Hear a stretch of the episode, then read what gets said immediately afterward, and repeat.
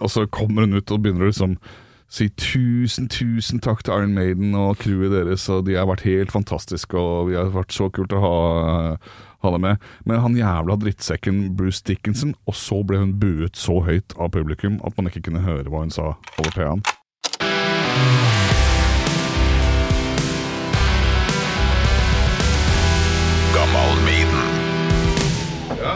Er vi jo med Hva slags kamera? Er det Black Magic, eller? Nei. Jo. Ja, du har peiling på kamera? Nei, jeg driver jo videoproduksjonsselskap, jeg. Ja, du gjør det. Er det OBS det går? Nei. Du må ikke spørre meg. jeg Nei, nei, nei, sorry. Jeg er nerd. Dette er så jævlig nerd. Du, det her må vi få høre mer om hva du holder på med, video og greier, så vi kan jo egentlig bare sette i gang. Det, jeg kjør bare. Du, dette er ditt program, du bestemmer. Jeg er her og svarer på det du spør om.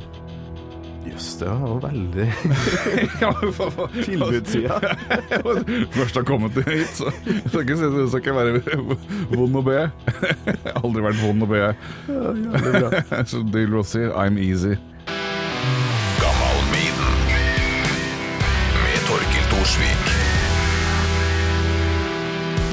Hjertelig velkommen til Gammal Maiden Danny Young. Takk, takk. Det er hyggelig å være her. Ja, håper jeg virkelig det. Det var hyggelig sånn eh, smalltalk bortpå bort på kaffemaskina her. Og Helt, helt nydelig. Og det er ikke bare amerikanerne i meg som sier det, men jeg mener at det er hyggelig. Ellers så tror jeg kanskje Jeg vet ikke om jeg hadde kommet ned, jeg hadde kanskje kommet ned uansett, men og, det hadde sikkert blitt hyggelig uansett, men her er det faktisk hyggelig! ja, det er jo det. Håper virkelig det. Eh, og du ble ikke sur heller da jeg spurte på telefon hva heter du egentlig? For det der Danny Young-navnet, det, det virker så tøft og kult, og så artistnavnaktig at jeg trodde ikke du heta det på ordentlig. Nei, det, altså når jeg begynte i Glusper, så fikk jeg ikke lov til å hete noe annet. Jeg, jeg foreslo Suzy Glue og masse sånt teit, eh, men de sa nei, nei, ikke faen, du skal hete Danny Young, for det er et kult navn. Og så skal du ikke lenger enn til bare en liten båttur, så er det det mest vanlige navnet du finner i England og Irland og Skottland og USA og Wales og overalt.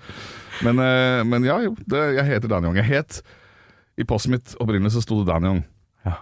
Men uh, faren min, som heter Marvin Dana Young jr., ville kalle meg Marvin Dana Young the Third. Og det okay. sa mutter'n at nei, i Norge skal han ikke hete Marvin, og heller ikke The Third, for det her er det mange som ikke kan uttale th-lyden. um, så jeg ble hetende Dan Young, men han het Dan Young og var uh, fotograf, kunstner. Han er dessverre ikke med oss lenger.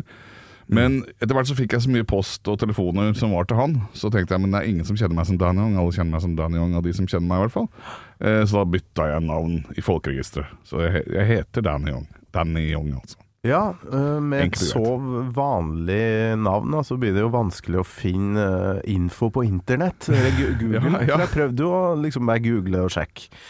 Eh, jeg vet jo at du har eh, spilt i Du spiller i Glucifer og Smoke Mohawk og masse band, ikke sant? Jeg ville jo ha hele lista. Men så dukka det opp en kunstner.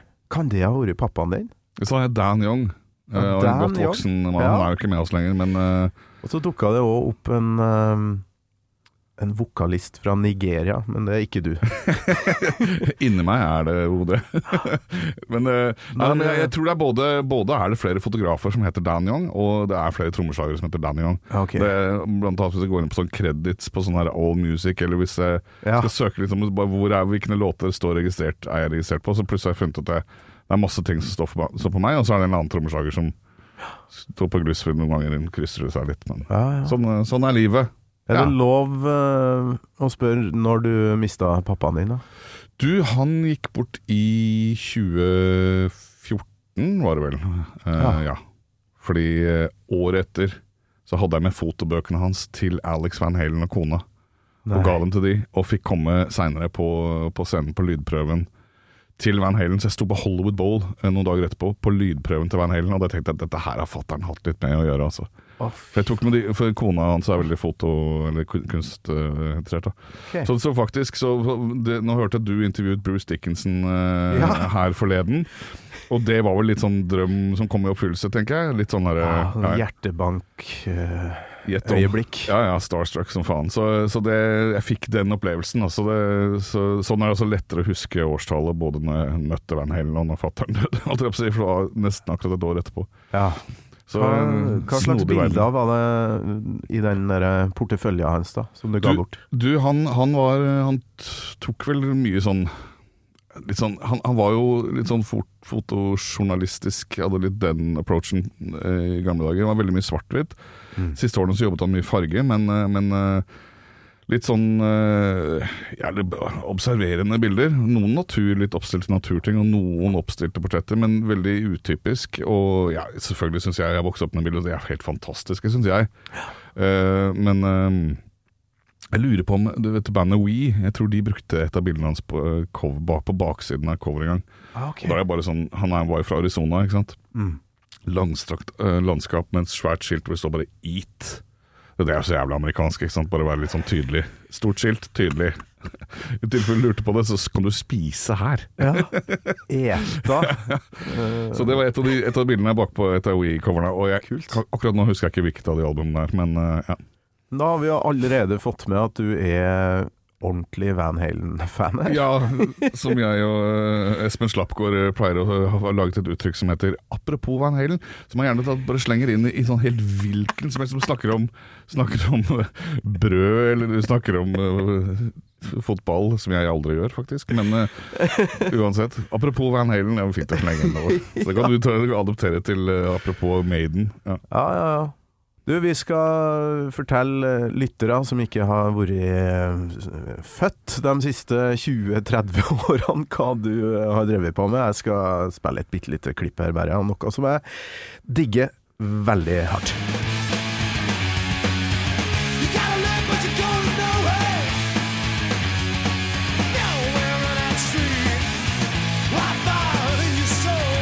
Live, Det er den grooven her som Glucifer fremdeles har, da, for dere er jo faen meg tilbake igjen. Ja da, vi, vi greide å karre oss opp på scenen rett før eh, Eller et år, et godt år, to kanskje før covid eh, slo inn. Så heldigvis. Ganske glad for at vi ikke vi venta to år med den. det hadde vært, Ja. vært en jævla nedtur. Den var fra Ducktail Heat, da. Ja, det var det. Tender is the Savage. 2000. Eh, 21 år siden. Ja, det er det. Tits kalte vi den. Eller vi begynte å få e-poster hvor det sto tits. Oh, ja. Tits? Hva er det de snakker om tits hele tida? Og så, oh ja, så for- Tender is the savage. Ja, tits. Ok. Det hadde ikke ingen i bandet hadde fått. Det var ikke derfor vi kalte skiva for det. Hadde Men det var en fint lite, fint lite bonus. Listen to tits. Men eh, øver dere og er klar for mer, eller? Eh, Vi øver ikke noe nå. eh, Vi er, er liksom mer sånn at vi, hvis vi har noe vi skal gjøre, så går vi sammen og treffes og gjør det. Ja, okay. Og vi skulle jo vært på Målrock nå i august. Ja. Eh, og jeg vi, vi har jo ikke spilt på to år. så jeg dro ned en uke før og begynte å klaske løs bortimot daglig for å få, få opp den staven han. Og så hadde vi vel Jeg tror vi hadde én øving med vikarbassist. Og så fikk vi bare beskjeden nei, så det blir ikke noe festival allikevel. Så Ja, okay. det, var egentlig, det var kanskje egentlig mer utrolig at det var en festival i august som skulle gå av stabelen. Uh, men ja, så vi øver, vi øver egentlig bare hvis vi skal noe helt konkret, og vi har liksom ikke faste, faste Ja, ja, ja. sånne møtes. Det er bare å krysse fingrene for dere får komme til Målrock, for der har jeg spilt opptil flere ganger. For eh, jeg synger jo på trøndersk, og, de, og der er det litt sånn dialektbasert, mens dere synger jo på engelsk. Og, Ja, vi, gjør det. Ja. ville ha Glucifer likevel, da, i Årdalstangen, er det ikke det? Jo, det var det, Årdalssangen. Jeg tror eh, hvem andre var som skulle Jeg vet at Dagny skulle spille. Hun er vel fra Tromsø. Okay. Eh, ja, og hvem andre Nå husker jeg ikke hvem andre. Jeg tror jeg konseptet har sklidd litt ut, men Ja, ja. nydelige omgivelser med de fjellene rundt der, og den innkjøringa når du kommer ned fra fjellet der, er jo helt Jeg drar litt gjerne, for å si det sånn. episk. Ja. Du, du snakka om at du måtte sette deg ned og, og få opp staminaen. Jeg Ja. fant en tekst her, jeg tror faktisk det er på Glucifers hjemmeside. Ok. Eh, da forrige trommisen har slutta i 1997, så står det He was replaced by Danny Young, who was used to playing hard, heavy music, but he wasn't prepared for uh, how hard and physically demanding playing with Glucifer would be. After a couple of songs at the first rehearsal, uh, he was worn out. Leading Danny learning how to increase his stamina. Så det, det er en greie der, da. Ja da, ja da. Nei, jeg, jeg kom jo fra ikke sant, eh, Der Glucifer kom litt mer fra punk-greia, så kom jeg mer fra hardrocks-delen. Ja. ikke sant, Og spiller litt saktere og enda hardere. Og så skulle vi liksom sette i gang og begynne å, spille, og så gikk jo det her i et mye kjappere tempo enn det jeg var vant til. Men jeg var jo ikke vant til å ikke slå like hardt. Ja. Så jeg skulle på død og liv klaske like hardt. Så det tok jo litt sånn Jeg måtte bygge meg, bygge meg litt opp uh, der for å, for å få det til. Da. For det var, ikke noe, det var ikke noe kompromiss på at jeg skulle gå ned i liksom, måte, det jeg holdt på med. Så, en sta jævel. Ja, fy flate som du spilte, og jeg vet jo at trommisen i bandet mitt, Nullskatte, er gigafan av deg. Og, Oi, så hyggelig. Ja, Ja, ja, masse det er veldig hyggelig å høre. Eh, For du altså det Du hørte jo Ducktail Heater og alt det du holdt på med der. Det, der, det drivet dere hadde. Det, det var liksom Helicopters og Glucifer. Turbonegro av og til, men det var liksom dere Det var liksom dere to, eh, dere og Helicopters, så det er gode venner av dere, ikke sant? Ja, ja, vi, vi spilte mye sammen. De eh, turnerte. Det var egentlig den første liksom, ordentlige turneen jeg var med på, i hvert fall. Så dro vi ut i i seks uker eller sånn i Europa med Helicopters. Det var jo en fantastisk opplevelse. Herregud, det var gøy. Starta med det. Ja, ja det, var, det var ikke det første vi gjorde, men det var ganske tidlig. Det var vel i sånn tidlig vår 98, hvis jeg ikke tar helt feil. Ja. Kanskje sånn slutten av vinteren, eh, tidlig vår. Oi, oi, oi. Det var, jævlig, det var jævlig, en jævlig gøy og en fantastisk opplevelse. Og ble liksom kompiser med helikopter, så ja. Fikk eh, mange venner eh, nedover på kontinentet der. Man lærer en del på sånn europaturné. Kanskje ikke punkruta, men nesten. da. Det var jo mye sånn klubber som, eh, som de gamle punkerne var innom på 80-tallet og sånt. Helt klart, og jeg ble nok skånet for det verste, holdt på å si, skotsene som Glusfer før meg måtte ned og spille på. Punkegryte og halvparten hunder i publikum, liksom. Men, eh, eh, så, men, men det var jo, ja, det var jo noen ganske, ganske røffe punkklubber. Og, og, og det de har nå, som de ikke hadde da eh, Nå har de jo LED-belysning gjerne på scenene, men det var det ikke. Det var de gamle, varme lampene.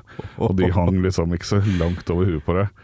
Så det var godt. Det var et par ganger vi måtte, altså, måtte bare liksom før ekstranummer måtte vi ut og prøve å puste litt. Og så kunne vi gå inn. Så ventilasjon var noe dritt. Ja, det, det fantes vel ikke? Så vidt jeg kan huske, i hvert fall fra tidlig 2000 og de turene våre. Men her må vi så klart snakke mer om. Van Halen må vi òg innom, men nå kommer første liksom eh, faste spørsmålet mitt. Om du, Danny, husker første gangen du hørte Iron Maiden? Altså, Jeg tror ikke jeg husker første gang jeg hørte det akkurat, og hvor, hvor det var. Jeg vet om cirka tiden, så klart. Eh, og jeg tror liksom det albumet jeg husker som Jeg husker at kom ut, var vel 'Summer in Time', eh, tror jeg. Ja. Eh, og jeg hadde jo også kjøpt billetter, jeg og noen kompiser, jeg og en kompis hadde kjøpt billetter til Drammenshallen når Maiden skulle, skulle komme på turné med Wasp. Men vi kjøpte jo egentlig mer for å se Wasp. For jeg var mye mer Wasp-fan enn jeg var eh, Maiden. Eh, og var selvfølgelig jævlig skuffa. Fordi kristenfolk i Drammen hadde protestert mot Wasp. Eh, Ja. For de mente at WASP sto We are Satan's people. ja. Eller hva faen de trodde det var.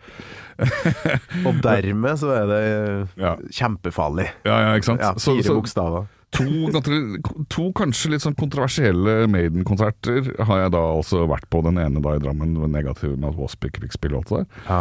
Og så har jeg en til seinere, men det kan kanskje ta litt ut i sendinga. Jeg vet ikke, Det er helt opp til deg, det. Det var, det var mange år seinere, Det er artig med sånne cliffhangere, men jeg er glad i å egentlig bare kjøre på. Ok. Eh, Hvilken annen konsert snakker vi om da?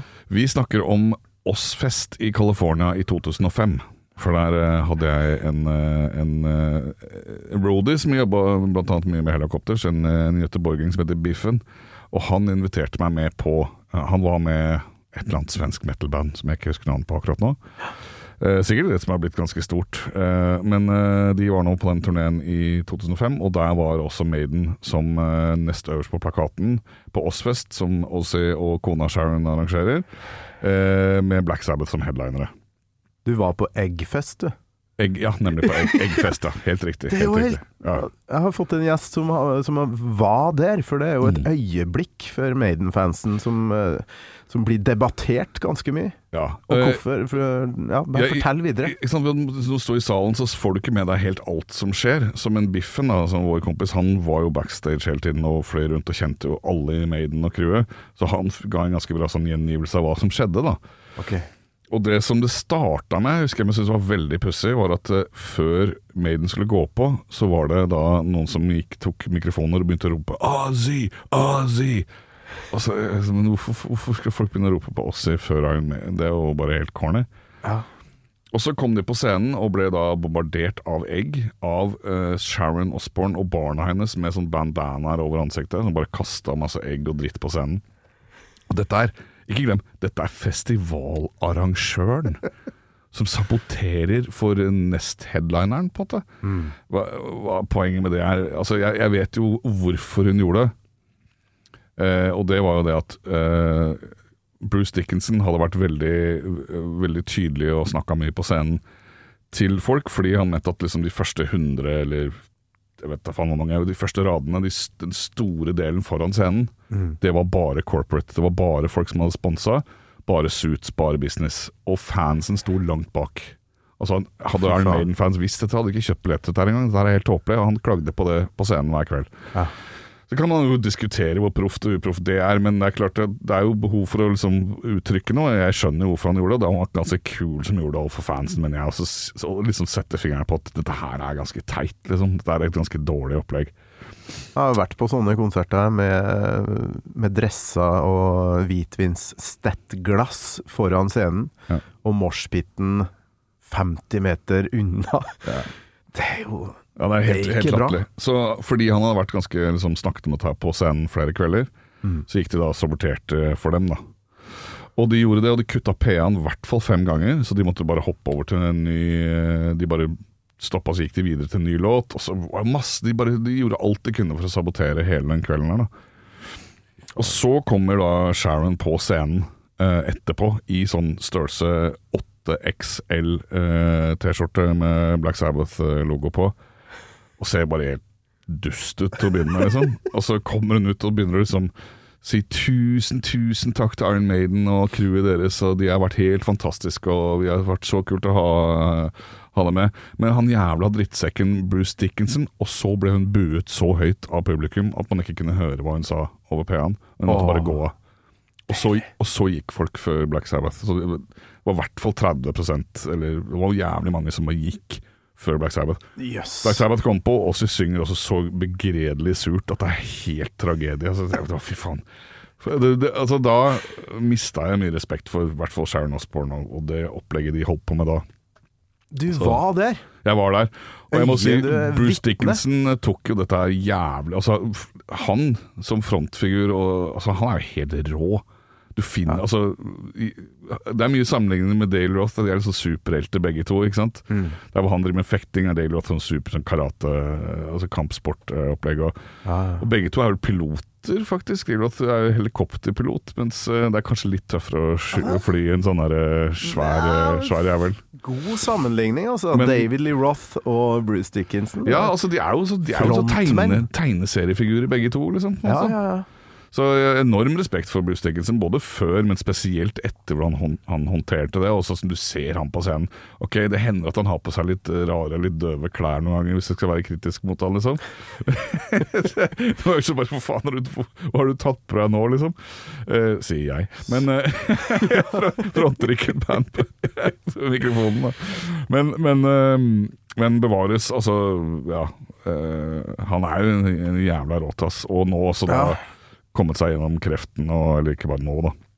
Det er jo sikkert noen år siden det òg, men ja, Det er en veldig veldig kul, uh, kul fyr. Og sånn som på det intervjuet med deg, så er han fremstår jo som en jævla sympatisk bra fyr. Ja, du har hørt det, ja? Det var Ja, Ja, det var rimelig enkelt å intervjue fyren. Men uh, hvis man har det travelt, så er det vanskelig, for han uh, kjører jo på med masse sånn eh, Ja, her er bokhylla mi og ja, faen? Da har man det ikke travelt, da. Nei, men er utrolig fin fyr. Men Ja. nå står jeg her altså med et uh, vitne, da, for det her er jo noe jeg har snakka om på radio i fire år nå, innimellom, da, den herre Sharon Bruce-faden. Og jeg har jo et klipp her der, uh, oh, ja. som jeg bruker innimellom, da, for å liksom eh, fra Her var du altså til stede. Her er Bruce ganske så forbanna.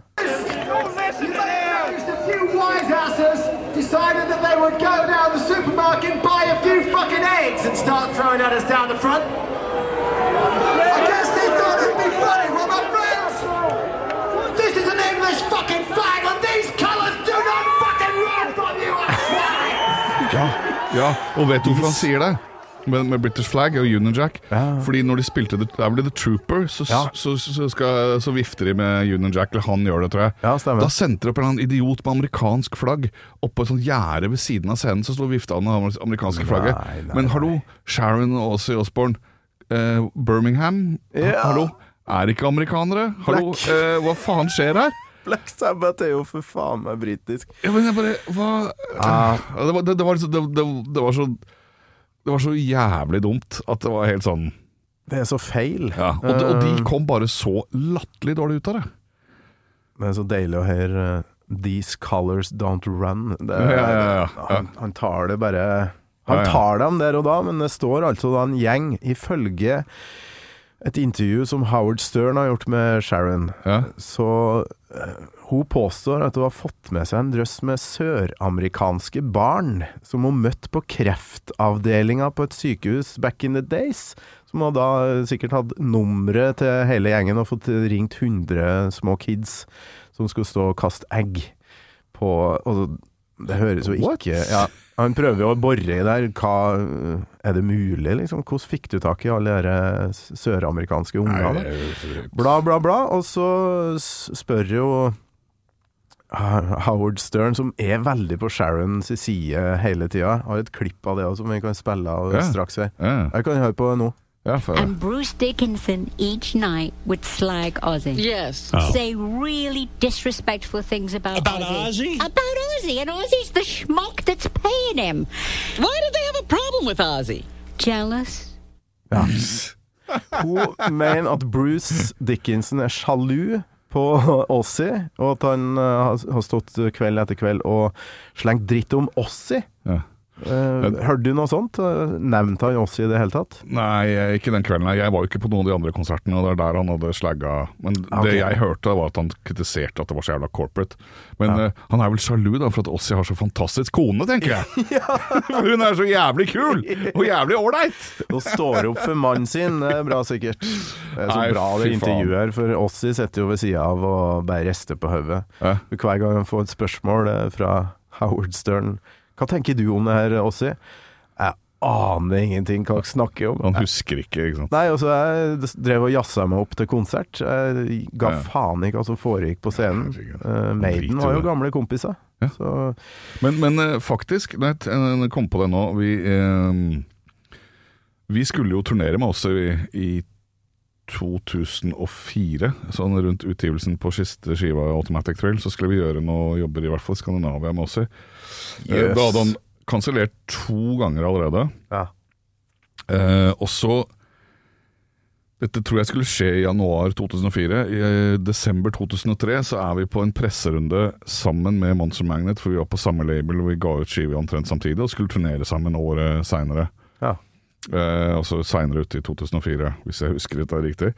Eh, og så var vi i London på samme tid som Ossie og hun eh, dattera Kelly, er det vel? ja. eh, var i England. De skulle gjøre noe TV-opptreden. Og jo, Magnet hadde også release-party, tror jeg. De spilte en sånn hemmelig konsert, og da var hun på den konserten, og vi var også der. Okay. Men den helgen så hadde da også kjørt den ATV-en sin, og så krasja, så han tok jo nakken. Så han kansellerte den turen vi også skulle være med på, som var tredje gang han kansellerte Europa. Så så det er jo risikosport å melde seg på en sånn turné i utgangspunktet, men, men det var i hvert fall det som skjedde, apropos oss og alt det der som jeg bare Så, husker ja, så det ble ikke noe av, da? Nei, det ble aldri noe. Det er jo Så- litt synd, da. Det er mye Ja, det er fjas, og det er TV-serien på MTV og det greiene der, men likevel, det er noe det er Ossi, Ossi er liksom som karakter er jo dritkul, og jeg husker jeg lo mye av den derre Det var jo litt sånn Det var jo Kanskje man ikke trenger å ha kamera hjemme hos folk eh, som ikke har det helt bra med seg sjøl og har ganske mye rusproblemer med ulike typer rusmidler. Kanskje det ikke er en så god idé, men det sier jo litt om igjen. Så vi ønsker folk velkommen. Bare har nok penger, du, så skal du få lov til å filme han eh, tragiske mannen min som er i ferd med å ta livet sitt på rus, liksom. Det også sier litt om en menneske, kanskje ikke så jævla sympatisk, men glad i penger. Det tror Det jeg finnes noen av de der ute. Ja, har du, Ingen som hører på nå, altså. noen du vil name-droppe her? Så. Nei, nei, jeg holder med sjøl nå, spor. Åh, men eh, Arne Skagen, som òg har vært innom her, og Ja. Fridtjof i Glucifer ble jo intervjua av sjølveste Bruce Dickinson på, på et tak i Tyskland. Stemmer det. Fikk du møtt den du òg, eller var det Jeg fikk hilst på han fra avstand. Eh, han, han satt der i det, Dette har sikkert Arne forklart også, men han satt der i en sånn derre trylle... Tryllefrakk? Ja. Trylle, hva heter tryllekunstnerfrakk? Ja. Som jeg husker var blå, med sånn gule måner og stjerner på og sånn. Og dette var en periode hvor han da ikke var i Maiden, han var ute av Maiden da. Ja. Satt med en dame ved siden av seg, og så var han litt sånn grisete. Han, alt handlet, det handlet mye om lubrication, husker jeg han snakket om uh, oh, ja. lube og alt det der. Og så, det eneste jeg annet jeg husker, var at han Arne greide å drite han litt ut. Eller prøvde liksom å sette han litt sånn at uh, han uh, kanskje ikke var så stor uh, stjerne. Og litt sånn. Så, Ja. Som er også litt rart, fordi Arne da var såpass stor fan, men han ble vel kanskje litt starstruck på feil, feil, feil måte. Jeg vet ikke. Um, men han satt der i hvert fall, så lurte han på hvem er denne Danny Young? For det er i hvert fall en av dem som i hvert fall har fornuftig navn her, Sånn. Og så sto jeg på taket og vinka. Der er han der. Det er han i den der Hawaii-skjorta. Ja, så sto jeg der i Hawaii-skjorta og vinka til han. Okay. Og det er vel så mye som jeg hilser på Bruce Dickinson. Ja, ja, ja. Han digga sikkert den Hawaii-skjorta di, for han eh, Sånne ting jeg tror jeg han går i litt sjøl. Kanskje han gjør det. Ja. Han gikk i hvert fall i tryllefrakk den, den dagen der. Er, jeg skal ikke uttale meg om hvorfor folk kler seg dårlig, altså. Jeg skal holde kjeft om det. Vi, vi må inn på låta du har valgt til episoden, men først må jeg liksom Ettersom du har eh, amerikansk opphav og sånn, når var det Når var du begynte å oppdage typ eh, Van Halen da, og Maiden, eh, de tingene der etter hvert? Altså, for meg så starta det om å, å begynne Altså, rock starta ganske tidlig hos meg. Det var i seksårsalderen. og Oppdaga Kiss. Mm. Og Kiss var det store, første virkelig store for meg, liksom. Men det er klart at det, det hadde jo mer liksom show og masken og hele pakka rundt der. Ja. Og så var det jo ganske enkle poplåter som var lett å, for, en, for kids å like. På en måte var det egentlig Kiss var veldig sånn barnevennlig musikk, da. Ikke alle tekstene, kanskje, men, eh, men eh, ja. Um, så det oppdaget jeg i sånn seksårsalderen. Og så, så var det seks år med sånn Die Hard eh, Kiss-periode, og så dabba det bare litt av. Så rundt tolvårsalderen da var det, gikk det mer i sånn Sånn tidlig i tenårene så gikk det mer i sånn The Police og noe mer i det britiske, liksom Duran Duran og, og litt sånne ting. Ah. Og så og så, så kom Dale Roth med solo-appen sin, 'Crazy From The Heat'. Med alle disse damene i bikini og disse, alt det der fargerike som skjedde i de videoene med Just a Gigolo og California Girls. Og det syns jeg var ganske stas. Jeg var jo sånn 15 eller sånn, ikke sant. Så bare, wow, Synes det er noen som bare er gøy her, liksom. Eh, så det syns jeg var kult. Og da fikk jeg en sånn Da må jeg jo sjekke ut Van Halen, da. Og så ble jeg da veldig, veldig fan av det, da. Så rundt den tiden her sånn, begynte å spille litt og spille sjæl, og så gikk det jo mye ACDC, Motred eh, ja, Van Halen, Motley Crew og ja, litt Ah. sånne Noen ikke så kred eh, band, og noen litt mer kred. Metallica, ikke sant. Eh, Jeg var jo Hang med masse kompiser, eller ikke masse kompiser, men de kompisene jeg hadde, de var veldig, veldig, veldig Metallica-fans, og jeg kom litt etter. Hang hele tiden litt sånn bak, da. Så det var liksom rett etter at eh, de hadde spilt her, og rett etter at Cliff Burton døde. Da gikk lyset litt opp for meg, da. Ja, ja, ja. Så da var det Master Puppets og de tre første som jeg hørte. Særlig Ride the Lightning og og Master Puppets hørte jeg veldig mye på den tiden der. Ja. Og da var det midt i, da var det med Maiden og Wasp og ja, alt, alt det der. Rat, husker jeg. Rat. Rat, på, ja. De hadde et par låter på den der Invasion of Your Privacy. Det var liksom ikke hele, hele katalogen, var bare et par låter der som jeg syntes var jævlig kule. Men det er igjen, da, hvis vi skal liksom etter hvert tilbake til den låta vi snakker om, om Maiden og alt det der, så er det der, noe det popteftet. Jeg tror jeg altså Kanskje derfor jeg er så glad i Van Halen, for Van Halen er jo Beach Boys med fuzzgitar, liksom.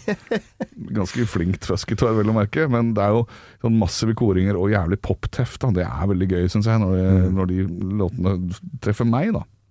Jeg har aldri vært noen Van Halen-fan, men det jeg digga med dem, var at, eh, som du sa, at du ser at de har det jævlig artig. Altså, Ja, ja, det er noen ja. eh, partygjeng som bare koser seg, og noe fjellklatring. eh, David Lee Roth for å klatre. Mye hopping hopping og splitthopp på scenen, og, og, så, og så legger de ofte sånn. Legger ofte sånn ting, sånn prating og sånn inni låtene som de ikke fjerner. Bare sånn Ja. ja, ja, ja, bare la det være med, for det er party, liksom. Det klirrer i noe glass og det, Ja, ja, det er helt, ja. Og så er det er de store glisene som spiller gitar, du ser var, ja, du ser- Glaggutt, han du ser at- han, han, digger, han digger å være der. Han digger å spille gitar. Det er jo det som var hele livet hans. Ikke sant? Så ja, den derre- den, det der falt jeg veldig for, da. Mm. Og fortsatt så er det litt, sitter det litt i. Ja, Ja, det er, det er et år, akkurat et år nå, siden Ja. Eddie Van Hellen ja. gikk bort. Hvordan, Yes. eh, for deg som var så stor fan, hvordan eh, opplevde du det? Var det Nei, ute på Facebook og ja. Men eh, ja, helt jævlig. Eh, satte på Da spiller du ikke egentlig altså, Selv om Van Hellen er mitt favorittband, så jeg greier ikke å høre på det eh, så ofte, egentlig. Eh, men da satte jeg meg ned og så bare skrudde så høyt det gikk, og bare måtte nøyt, eller ikke nøyt, men bare var litt i det øyeblikket der, da. Mm. Det var jo jævlig trist. Det kom en tåre, og jeg tenkte faen, nei, det her var, eh, det var trist. Men jeg fikk jo i hvert fall møtt han, da. Og Ja, sett Van Halen live med Daily Roth. Ja. For på den der lydprøven eh, der så sto jeg Fikk du opp? Ja, jeg, Han lurte på hvem faen jeg var og hvorfor jeg sto der. Da gadd ikke jeg å si noen ting, for da var jeg helt, jeg ble helt spak. Men, eh, men jeg fikk håndhils på han og fikk tatt et bilde av meg. Jeg står mellom han og Wolfgang, da, sønnen hans. Så, så det, det, er sånn, det er ganske store ting som er nådd da i livet, Wow. om ikke annet. Han kom ned etter lydsjekk og, og hilsa på deg, eller fikk du opp på scenen? Jeg sto på scenen mens de hadde lydprøve. Du sto Sto- på scenen! Jeg så for meg at- du sto ved lydbordet nede ved Nei, i jeg, salen. jeg, sto, jeg sto på scenen når Eddie og Alex kom og møtte hverandre den dagen, og så utover hvor, Det var Hollywood Bowl, og, og når man er som, Jeg vet ikke om dere har spilt noe særlig amfiscener, om de er store eller små, eller hva det måtte være. Så ser de jo ganske små, ganske mye mindre ut, for du stabler folk i høyden. Av en eller annen grunn da, så ser, så ser det ut som det er mye færre folk enn det det egentlig er. Ja. Waltbyene i Berlin for eksempel er 25 000, det ser ikke sånn ut. Og de, Van Helland har aldri spilt på Hollywood Bowl, aldri stått på den scenen og sett. Og de, begge to møtte hverandre i dag. 'Look so small! Og det, så, faen, det, ser, det er jo, er- dette er jo ingenting, liksom. Det var jo, jeg vet ikke om det er 10 eller 20 000 mennesker på Hollywood Bowl, men uh... Og så fin blanding mellom litt flaut og veldig stort da å stå Ja, ja. på scenen jeg var skolegutt, skolelys, og jeg, var, jeg, jeg, jeg, jeg holdt meg i bakgrunnen. Jeg sto bak gongen til Alex Van Halen når de hadde lydprøve, det var eh, Jeg sto og kløp meg litt i armen og tenkte hva faen gjør jeg her egentlig? Hvorfor, hvem, er, hvem er jeg? Hvor faen er jeg her? Jeg har ingenting her å gjøre. Det var, var litt guilt der òg. Å, herlig øyeblikk. Ja, veldig gøy. Det var det, altså. Jeg må si det. Men, um, Ja, men, det eh, popteftet, da. Det er kanskje ja, litt det popteft. popteft, eh, Kanskje det er derfor jeg har valgt denne Maiden-låta. For jeg syns den har er kanskje en av de mer poppa låtene de har, og, og i forhold til litt harmonier og i det refrenget. Så jeg, jeg, jeg syns jo derfor kanskje derfor den treffer meg mest, da. Ja. Og igjen, altså nå kan jeg ikke si hvilken skive den er fra engang. uh, men hvis jeg skal gjette, så er det kanskje skiva etter, eller to skiver etter 'Summer in Time'. Har jeg rett i det? Jeg kan gi deg svaret etter at vi har hørt eh, introen på eh, låta. Ja? Wasted Years. Yes.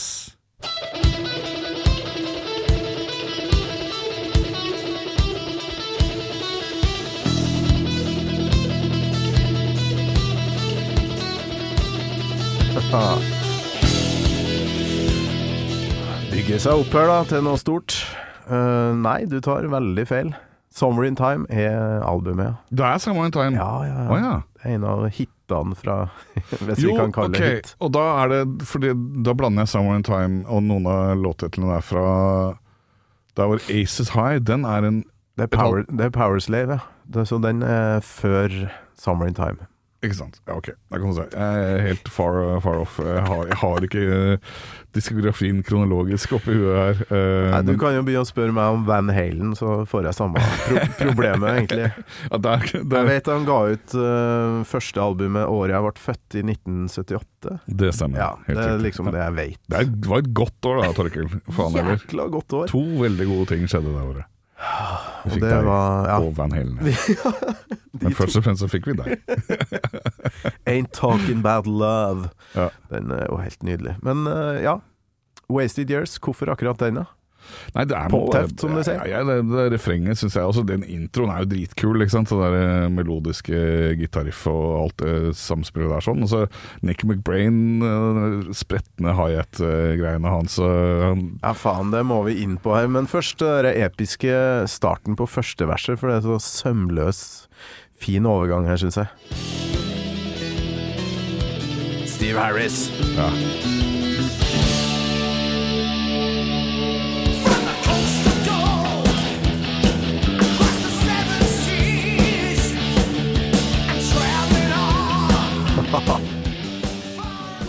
Altså, det er jo en klassisk rockeriff der. Ja, ja, det er dritbra.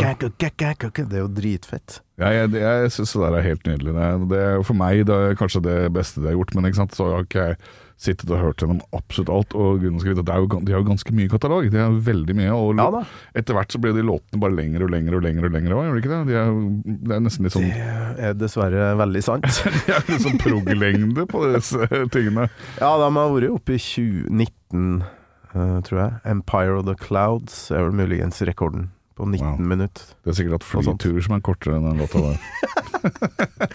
Ja, oppe i Nord-Trøndelag så er det kortere flyturer mellom, ja, mellom Rørvik og Brønnøysund. Den er ganske kort. Har du tatt Har du flydd den noen gang? Ja, masse. Oh, ja, det var det. Ja, ja, ja. Ja. Oppe i Namsos og oppi der. Det er så sånn vidt oppe i lufta før du kom ned igjen. ja. Ja, så du sneier noen tretopper over en knaus der, så er det neste flyplass. Og jævlig mye vind bestandig, så du lander vel egentlig sånn småfly, ja. Ja, sånne gamle Dash.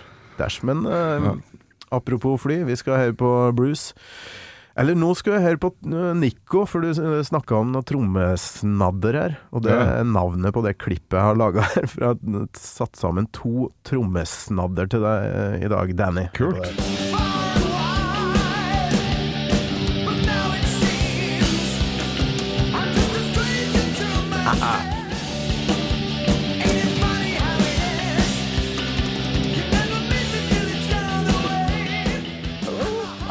Er jo det, er det han er mest kjent for, den derre og så litt sånn her rytterbiten det, Ja, ja, ja, ja. er sånn- det er jo jævlig kult, da. Det er jo, en, det er jo kanskje, syns jeg, den kuleste signaturen til Maiden er kanskje akkurat det. det The Gallop. Ja, The Gallop, ja. Det, Ja, ja, ja. det er de jævlig gode på, altså. Ja, det er utskjelt, men eh, for meg så det traff meg midt i eh, hjertet, altså. Ja, ja, men så høres det ut som han plutselig så går han liksom vekk fra biten i, brekk og markerer ikke liksom sånn eneren og måtte og så, og så liksom tør han liksom gå litt vekk fra det og komme rett inn igjen. Ikke sant? Og det, Ja. det vitner om når- når en trommeslager er såpass trygg som det, så, så da kan han jo det, og da funker det. Det er det som er så kult. Da. Du hører den der veldig tryggheten i det. At liksom, la Steve Harris få jobbe litt der og gå litt ut, og så komme tilbake igjen. Ja. En annen trommeslager som gjør det veldig bra, som jeg har sett live noen ganger, er eh, Ray Luzier, som nå spiller med Korn, et band jeg aldri jeg, For meg er helt sånn herre Hæ?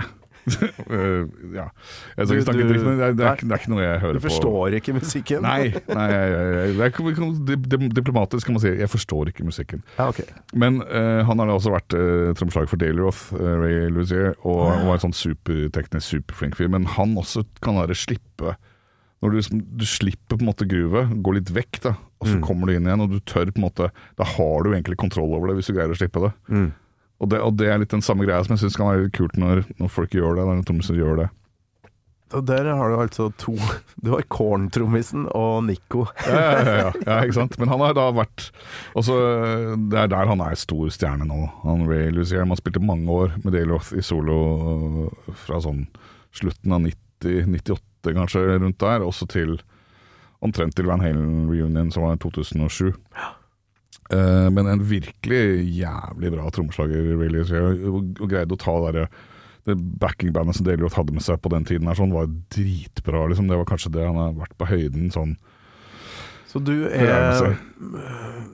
Du reiste rundt på mye konserter med både David og Van Halen opp igjennom? Altså, jeg har ikke så ikke Van Halen live før 2012, jeg, når de gjorde, når de gjorde sånn Det var Espen Slapgård igjen, apropos Van Halen, Ja. eh, som ordna meg en billett inn på spilte, De spilte på Café Wa, altså en klubb som tar 250 pers. Eh, og det var liksom promokonsert for den første skiva med Dale Roth. Eh, som kom i 2012. A Different Kind of Truth. En fet skive for øvrig. Eh, ok, ja. Både jeg, jeg må høre mer på Maiden, du må høre på, mer på Van Halen. Avtale. Ja, det er greit. Da har vi en deal. Men, eh, så da var første gang jeg så Van Halen, faktisk. Så det var ganske surrealistisk. At jeg liksom på en liten klubb satt jeg rett foran scenen og bare hadde Daily Off der, og Alex Van Halen der, og Wolfgang, bassisten, sønnen til Eddie, der. Og det var helt sånn ja, det, var, det var også en sånn surrealistisk eh, Van Halen-øyeblikk. Da, da bestilte jeg tur til New York kvelden før. Tolv timer før bestilte jeg billetten. Fløy klokka sju om morgenen til uh, New York uten å ha en bekreftelse annet enn uh, Slappgård sin, uh, sin melding verbalt. Fy flate. Så da kom jeg inn, og det var gøy. Kom inn, ja. Ja. Det var Så jeg har, sett, jeg har sett Van Halen eh, fem ganger bare, tror jeg, med Dale Ja, bare, men så har jeg sett Dale Roth en gang i Sol også, det husker jeg ikke helt. Men eh, ja. Jeg har ikke sett Maiden så mange ganger, faktisk. Uh, så, Det blir men, du nødt til. Ja, men jeg har jo muligheten til å se dem. Ja. Uh, nå er jo Eddie død, og David har uh, gitt seg. Ja. Eller skal gi seg seg. Ja. Sammy Hager versus David, da. Hva, hvor står du der? Oi, det, Går, går det, det er ikke, det er ikke engang en, et spørsmål, holdt jeg på å si. Å nei. Det er bare sånn ja takk, begge. Nei takk. Nei, jeg, altså Sam Yeager syns jeg ikke hadde noe i Van Halen å gjøre i det hele tatt. Ah, ok, du er der. Jeg er faktisk så, så frekk så jeg kaller han liksom the Ronald McDonald of rock and roll. Altså han, han er bare Han har teknisk sett en bedre stemme enn Dale, eller han er flinkere til å synge. Mm. Men se på les de tekstene hans, det faen, det er, det er McDonald's, altså. Det syns jeg er helt uh, han, Sammy Hagar mener jeg har gjort to veldig kule ting. Montrose, noen veldig kule låter der. Mm. Og den første tequilaen han lagde, var dritgod. Oh, ja. Så han hadde ingenting med Van Halen å gjøre for, for meg, da. Nei, men da tror jeg vi er enige der, da. Jeg har en kollega her som setter i gang den debatten eh, forleden dag, nemlig, og da sa jeg David Lee Roth. Ja. Ja. Sammy Hager Sjøl om jeg har hørt lite på det bandet, så vet jeg jo at uh, de albumene er jeg ikke i nærheten av å like like mye, da, som de her første. Nei, ja, ja, ja. Det, det, er, det er helt klart det er elementer der som er kult, det er ikke det. Det er fortsatt Van Halen, Alex og, og Eddie, og, men, men eh, det er noe helt eget med Taylor Roth, liksom. Er, Ja. Du, vi må høre refreng, og så har Yes, jeg et eh, annet det er refrenget som virkelig syns jeg synes er det feteste, og det skal det være en låt, mener jeg da. Ja, for et løft og for en deilig melodi. Det vel Ja. Adrian Smith, uh, gitaristen, som Ja. har skrevet den låta her. Handler jo om uh, livet på veien og nostalgi, da. Det er jo sånn som vi liker.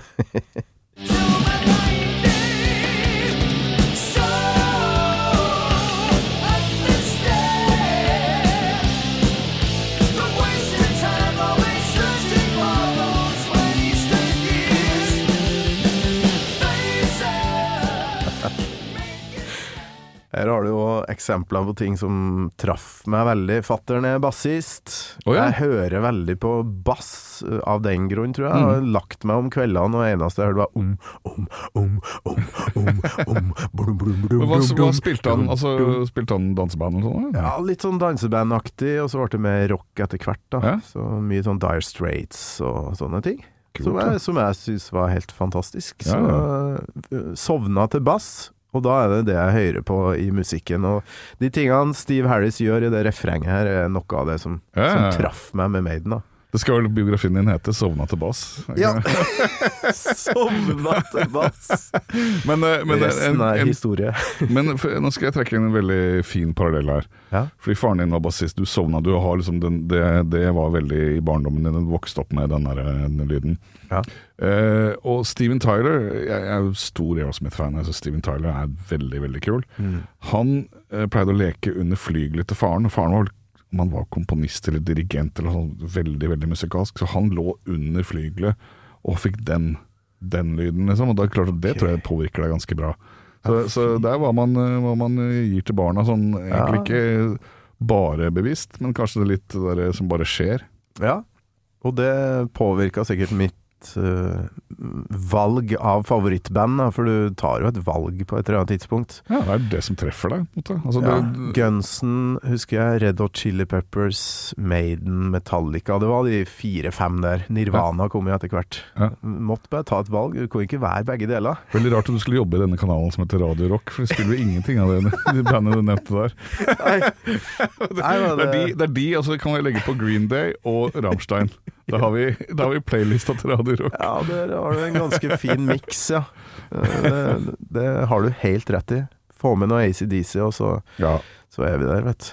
Men uh, hva skulle vi inn på? Jo, jeg har et uh, klipp her som er uh, intro til det neste temaet vi må snakke om.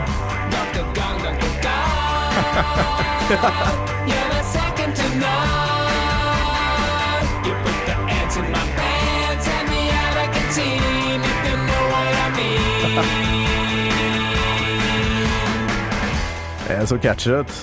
Den her har jeg spilt på Radio Rock. ja, så hyggelig. Jonny Skalleberg eh, Ja. sendte meg den her, WAV-fil, og så var jeg Det her må jeg spille. Dette er eh, altså Rolf Yngvehuggen på eh, noe av sitt beste. Det er, det er jo han som synger på det, og spiller gitar og bass og Det er bare jeg som spiller trommer og driver og hoster litt i bakgrunnen eller et eller annet. Ja, det er noe rusk og rask her som ikke er fjerna. Men uh, Apropos Van Halen. da. hvorfor ble Ja, de fjerna aldri sånn fjas. Hva, hva er, er det her jingeren til, til podkasten din, eller er det, var det en låt før? Det var en låt før. Den er, Det det. Den er sikkert 10-12 år gammel eller noe sånt. Ja. Den ble faktisk eh, laga fordi eh, for, I forbindelse med når jeg jobba på radio, på Radio Tango når det eksisterte, for en 10-12 år siden, eller hva det, hva det blir, eh, hvor jeg hadde et program som heter Dr. Gongs salong. Ah. Og så, etter hvert, så øh, tenkte jeg at øh, for faen, vi må jo ha en vinkartong som heter Dr. Gongs kartong. og den skal være fire liter, og ikke tre. Og så er faen ikke etter bag-in-box, det heter kartong, for det folk kaller det en cartis. Ja, ja. Så vi begynte å jobbe med den, og var i møte med Arcus, og tok med den låta her, og bare ja, Vi var veldig i gang, og så bare Som skjer med ting, så bare falt alt liksom fra hverandre. Men Jonny Skalberg har eh, vært siste tida vært veldig, særlig under koronatida, vært veldig sånn å hente opp den låta igjen og laga video til den, og liksom Så, så det kan hende at det blir en eh, det blir, Kanskje til sommeren eh, 2022 så, så blir det kanskje en eh, Dr. Gongs kartong. Og den, eh, om det ikke er eh, økologisk eh, vin, så blir det sannsynligvis da økonomisk vin, for du får en liter ekstra i Ja, ja, Cartisen. genialt. Men det her var jo um, Ja, altså når jeg fikk det her, så gikk jeg og sang på den i to uker etterpå. det er veldig catchy. Ja, jeg satt på T-banen. Uh, you're my second to none. det er så utrolig bra. Det er så god tekst. You, you put the ants in my pants. Og det, det her er Rolf Yngve som har skrevet teksten og alt sammen. Og han, eh, He's a ladies man and a man's man too. If I told you a lie, it wouldn't be true. Mener, Hvis ikke det er poesi, så vet ikke ære være Rolf Yngve ugen for dette her, altså. Ja, men du har jo brukt det her uh, som jingle til podkasten din, ja, for du holdt på med det en liten periode Bare. En liten periode, eh, når, særlig det var etter koronautbruddet, så måtte jeg jo ha noe å gjøre. Og Ja. jeg investerte i litt sånn streamingutstyr for å filme, og det driver jeg med nå. Gong Production, selvfølgelig. Alt går i gong. Alt går i gongen. Ehm, men da, da hadde jeg liksom Ja, da prøver jeg meg litt på Dr. Gongs Drumcast, da. Så jeg fikk Jeg hadde bare fire-fem intervjuobjekter, bare, dessverre. Men jeg har litt av favorittfolk, og folk jeg har litt kontakt med. Jeg syns det var kult å prate litt med. Ja. Ja, men der var det jo Nikki Nicky Andersson, så klart. Jeg Ja. skjønner jo hvorfor du kjenner han, men det var veldig mye andre folk her. Michael Miley, Rival Sons. Ja, det syns jeg dere burde spille mer av på Radio Rock, for det syns jeg er et jævlig fett band. Og de er fra California. Vet du hva, det er å snike det inn hele tida når jeg Ja, kan, da. bra. Fantastisk. Ja, ja. de har jo spilt så mye i Norge. Og Ja, ja, norgesvenner. Sjukt bra live, og så var de innom her. Ja. Uh, Scott Holiday og Jay Buchanan. ja. Og, og spilt uh, Do Your Worst, sånn akustisk. Ja. Fantastisk, altså. det er dritbra band, og så fine folk, så ja, helt klart. Eh, Men uh, hvordan kjenner du dem, da? Altså, Du, for eksempel? hva? for en ja, tre-fire år siden så slutta jeg Da jobba jeg i markedsavdelingen i Carlings. Og Ah. det som var min jobb der, var egentlig å være litt sånn Koble sammen Carlings-brandet med musikk, og henholdsvis rock, da jeg begynte i hvert fall. Mm. Så da var det jo uh, min mission I'm on a mission from God. Guden het Brødrene Warner. Uh, men det var da å koble seg opp med Ja-festivalen for eksempel, og andre festivaler i Skandinavia, der vi, ja. der vi Carlings hadde butikker. Har, har og hadde. um, og så kom jeg over dette bandet Rival Sons, og de skulle spille i, eh, i Oslo. Og så tenkte jeg de gutta her fra California, de har ikke med seg varme jakker. Og jeg prata litt, fikk kontakt med turmanageren og sa liksom Kan vi ikke møte dem, ta dem med i butikken, så kan de få litt klær. Ja. Sikkert kanskje anbefalte de veldig seg til en varm jakke. De skulle sette seg i en van og kjøre mot Stockholm og bare finne et hotell på veien. Mm. Det, så da, da ble vi venner. Det er hvert gir folk denim Gi folk litt sånn Levis og denim og varme jakker for noen tusen kroner, så, så kan man kjøpe seg et vennskap. Vi Neida. fikk eh, faktisk noe sånn denim fra Carlings, vi òg. Spons Nemlig, en periode. Det var veldig greit, fordi buksene blir jo svett og lukter jævlig. Helt riktig. Veldig greit å få, få litt sånn påfyll der. Ja da. Nei, men så, så um, Sånn ble jeg kjent med Rival Sons, eh, og ble litt kompis med de også. Det endte jo med å Jeg har vel vært i bryllupet til Miley, trommisen, eh, og ble invitert også til bryllupet til Jay. Så der tok eh, sam, sam, samboeren min og jeg Vi dro dit til California for å, for å være med på det. Han fyren som ga oss klær i Norge, han skal i Jeg vårt. tror jeg må ha gitt dem litt for mye. Altså. Fikk du for mye Carlings-klær? Ja, for da jeg gifta meg, så var det trøbbel, da. Man må, måtte sile ut en del folk. Men eh, Jay Buchanan han holder ikke på på det viset, tydeligvis. Nei, men Hvis du inviterer folk fra andre siden av kloden, så, eh, du har mange venner, så er det sikkert en ganske liten prosent som dukker opp. Men ikke han her. Han trenger veldig sjelden en, en så veldig stor unnskyldning for å fly langt og være med på noe gøy. Så vi var i bryllupet til Jay. Ja. I helsike. Var det stort lokale da? For det måtte jo ha dukka opp en del folk. Det var sånn, det var sånn teltbryllup, campingbryllup. Jeg kødder ikke. De hadde på sånn, det var sånn camping, sånn naturområde, reservat, oppi, litt oppi fjellene i California. Og jeg visste ikke engang at det var noe som het Fjellene i California. Nei, Eh, men, men det er var det sånn skogbrannaktig, er det ikke det? Ja, ikke sant. Ja. Så, men det er der han er fra, det området der. Så, så det var veldig kult, det. altså. Wow. Ja, den så jeg ikke komme.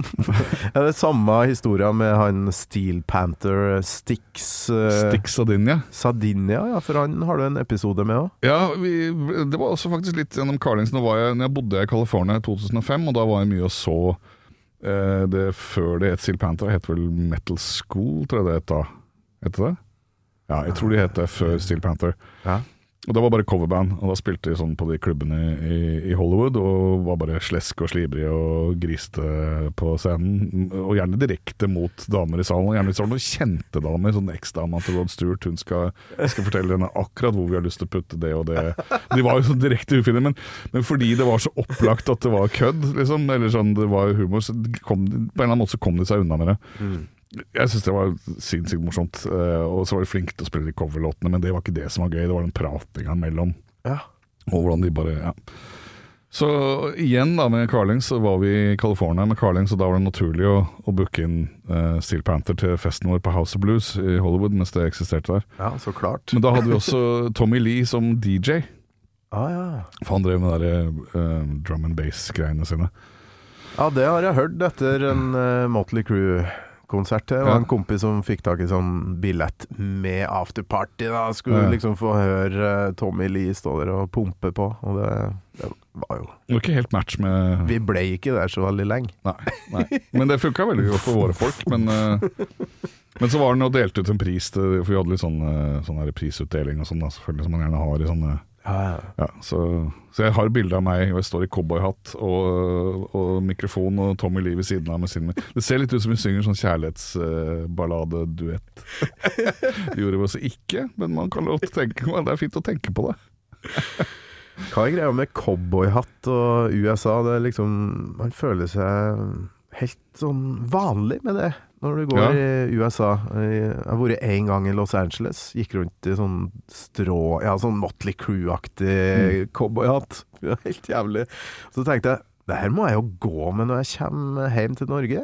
Eh, Kom jeg på Gardermoen og sto med bagasjebeltet, og så tok jeg på meg hatten og det går ikke! Det går ikke! Jeg måtte bare ta den av med en gang. Jeg, jeg klarte det ikke. Du følte deg som Bjøre Haaland. Ja! Ja, han, var, han er litt kul. Men jeg hadde en fin cowboyhatt og cowboyantrekk-opplevelse i New York. Eh, Jeg sto da like ved Madison Square Garden og venta på taxi. Og så hører jeg en roping bak meg. Eh, og jeg står også med hvit cowboyhatt, full denim og cowboystøvler. Helt midnight cowboy, helt, helt lost. Helt Hva jeg tenkte jeg på? Jeg vet da faen, men det, jeg kom fra California da, eller Arizona, og da skulle jeg ha på meg det. Ja. Hører jeg rope, eh, så snur jeg meg, så er det en ni år gammel jente, en afro afroamerikansk jente, midt i downtown Manhattan, som bare ser på meg med hat i blikket og bare sier Where's your horse? Med andre ord, din jævla bondetamp, sett deg ja. til helvete ut av byen min og ikke se deg. Og den reaksjonen du har nå, den hadde jeg. Det var helt nydelig. Jeg ble litt så sparka ut av byen av et, av et barn. ja. Den tar du tøff. Redneck Ja, så jævla redneck. Danny. Hun skulle ha vesta liksom eh, Du snakker til en trommis i masse kule band fra Norge, liksom. Fra Bærum. Eller er Ja, du fra fra Bærum, Bærum, ja. ja fra, Bærum, fra Bærum. Det hadde muligens ikke imponert henne, det heller. Eh, men det var, en- det var en deilig vokste opp eh, sammen med resten av altså Fridtjof og de folka Kjente, der? kjente ikke de før jeg begynte i bandet. Nei, du gjorde ikke det. Hvordan ble du headhunta? Eh, jeg kjente Rolf Yngve litt, og det var gjennom de gutta fra We, Thomas og, de gutta fra We. Så kjente jeg Rolf Yngve når han jobbet på, på um, ja, dette plateselskapet Voice, Voices of Wonder. Ja, ja. Uh, så jeg kjente han litt uh, derfra, men de andre hadde ikke jeg hatt noen kontakt med. Vi hadde, jeg hadde sett noen av dem sånn der på sånne der, sånne der fritidsklubber eller et eller annet. Det var konsertlokaler og sånn. ja sånn, Lokalbandgreier. Lokalband-greier. Men jeg kjente dem, kjente dem ikke i det hele tatt, så det var litt mer Ja. ja visst. Men eh, Rolf da eh, hadde jeg kjent et par år. Ja, og dere uh, har, jo, har jo en snutt til her uh, med et annet band, der dere spilte i lag. Ja. Må høre på.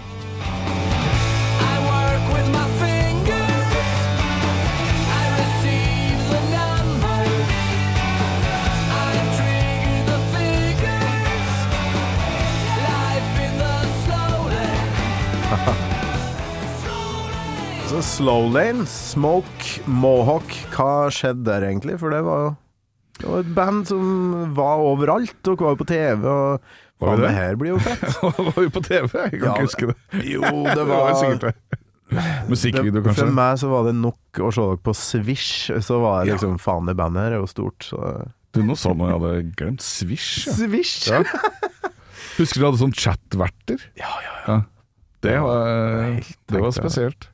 Det var en- en gjeng med sånn eh, veldig PR-kåte mennesker som satt og, og snakka og snakka og snakka, og fikk folk til å sende meldinger for tusenvis av kroner. Vet. Mm. Men uh, Swish, det, det var jo inngangen til mye musikk, det, for, Ja, ja, ja. for ungdommen da. Det er jo mye verre måter å plakke på ting på, på ungdommer enn det. Ja, absolutt.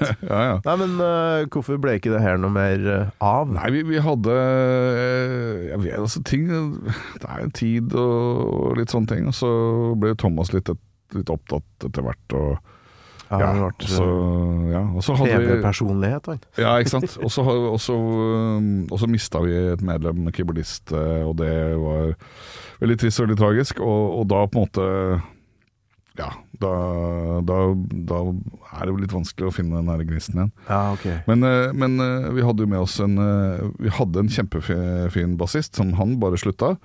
Uh, Raymond Jensen, eh, som var med på de første to skivene. Og så, men så ble jo Aslak Dørum fra DumDum ble jo med.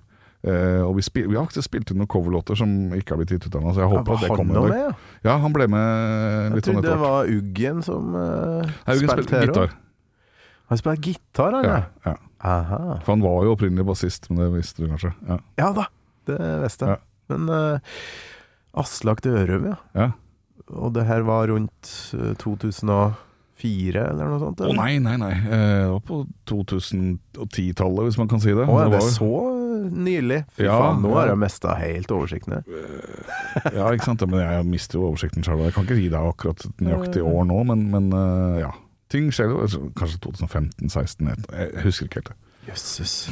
Nei, men eh, kult.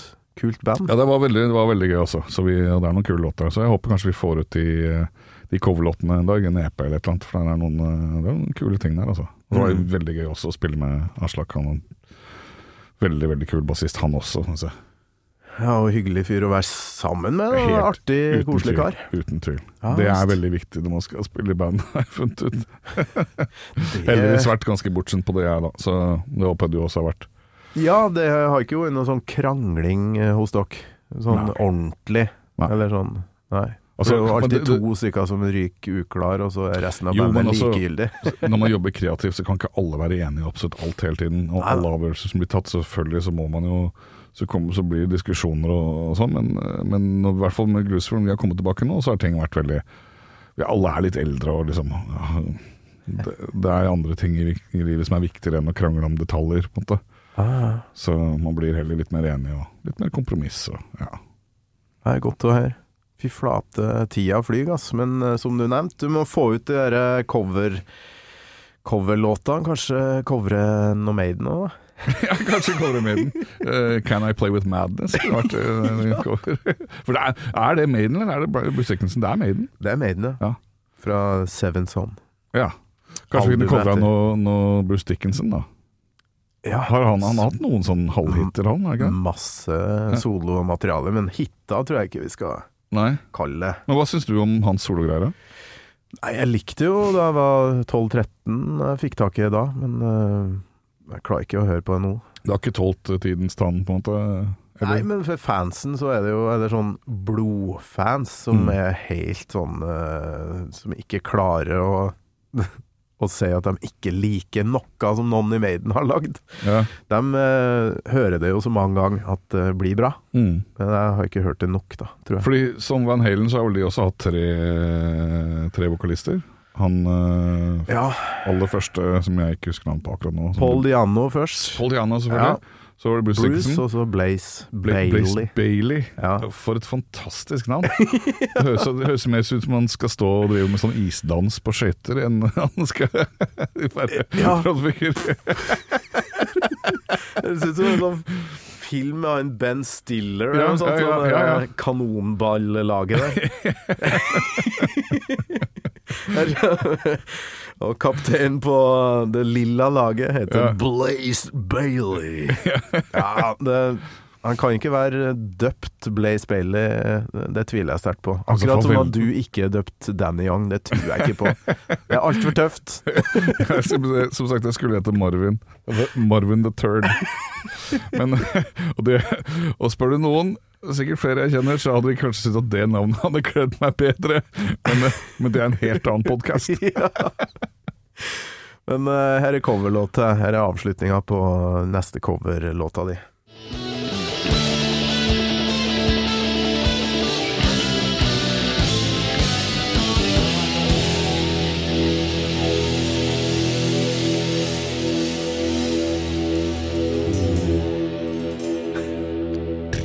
Ja, det er trommis som ikke klarer å Den låta er ikke ferdig ennå. Nei da. Ting, ting, ting. Hør er her, jeg har stikker i hendene. For et nydelig låtvalg. Og Takk. herlig at du takka ja til å komme på Takk skal du ha. veldig kort varsel.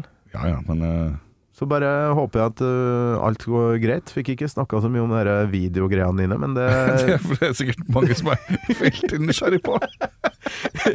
men det, det går greit, eller den businessen der? Eh, Du, faktisk, det går kjempebra. Streaming? Streaming? Ja, jeg, jeg, jeg starta egentlig som videoproduksjonsselskap, Gong Productions. Um, men uh, pandemien traff, så tenkte jeg her kommer det sannsynligvis Det er en del som kommer til å trenge livestream, liksom.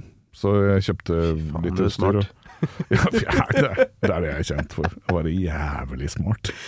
Han trommisen du kan telle til fire. Nei da, men det, det var kanskje noe av det mer smarte jeg har gjort i den siste, ti, Ja, ja, ja. siste tida. Men, eh, så det, det har egentlig gått veldig bra, og egentlig vært ganske gøy òg. Altså, Det er du Kaste og de her munnbindprodusentene. ja, er ja, det er oss. Antibac-direktøren Mm, i. Antibac. Ja, fy flate. Åh, det har vært utrolig hyggelig, så hjertelig takk for at du kom. Tusen takk. Gammal Maiden med Torkil Thorsvik, en podkast fra Radio Rock.